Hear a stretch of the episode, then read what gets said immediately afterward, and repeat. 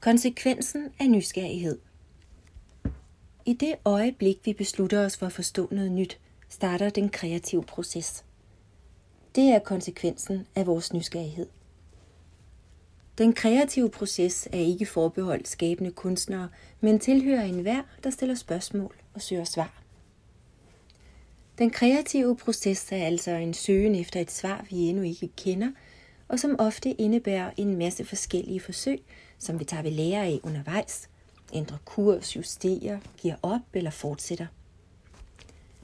Den italienske fysiker Giorgio Parisi, der modtog Nobelprisen i fysik sidste år, og hvis anbefalesværdige bog i en stæreflok er fremragende oversat til dansk af Lorenz Juhl Madsen, siger så fint om sine resultater, at de i bagklogskabens lys er ret indlysende, og at, citat, der er et forbløffende misforhold mellem vores anstrengelser for at forstå noget for første gang, og den enkelhed og naturlighed, der kendetegner resultatet, når vi først har foretaget mellemregningerne.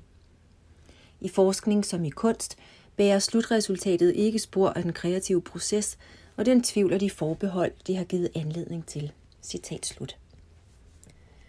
Når vi ikke taler om den kreative proces og kun ser slutresultatet, gør vi os ikke begreb om, hvad forskellige ting, produkter og ydelser kræver, og det er nemt at tage disse for givet. På samme måde oplever jeg tit hos nybegyndere i italiensk en utålmodighed over, hvor lang tid det tager at lære nye systemer.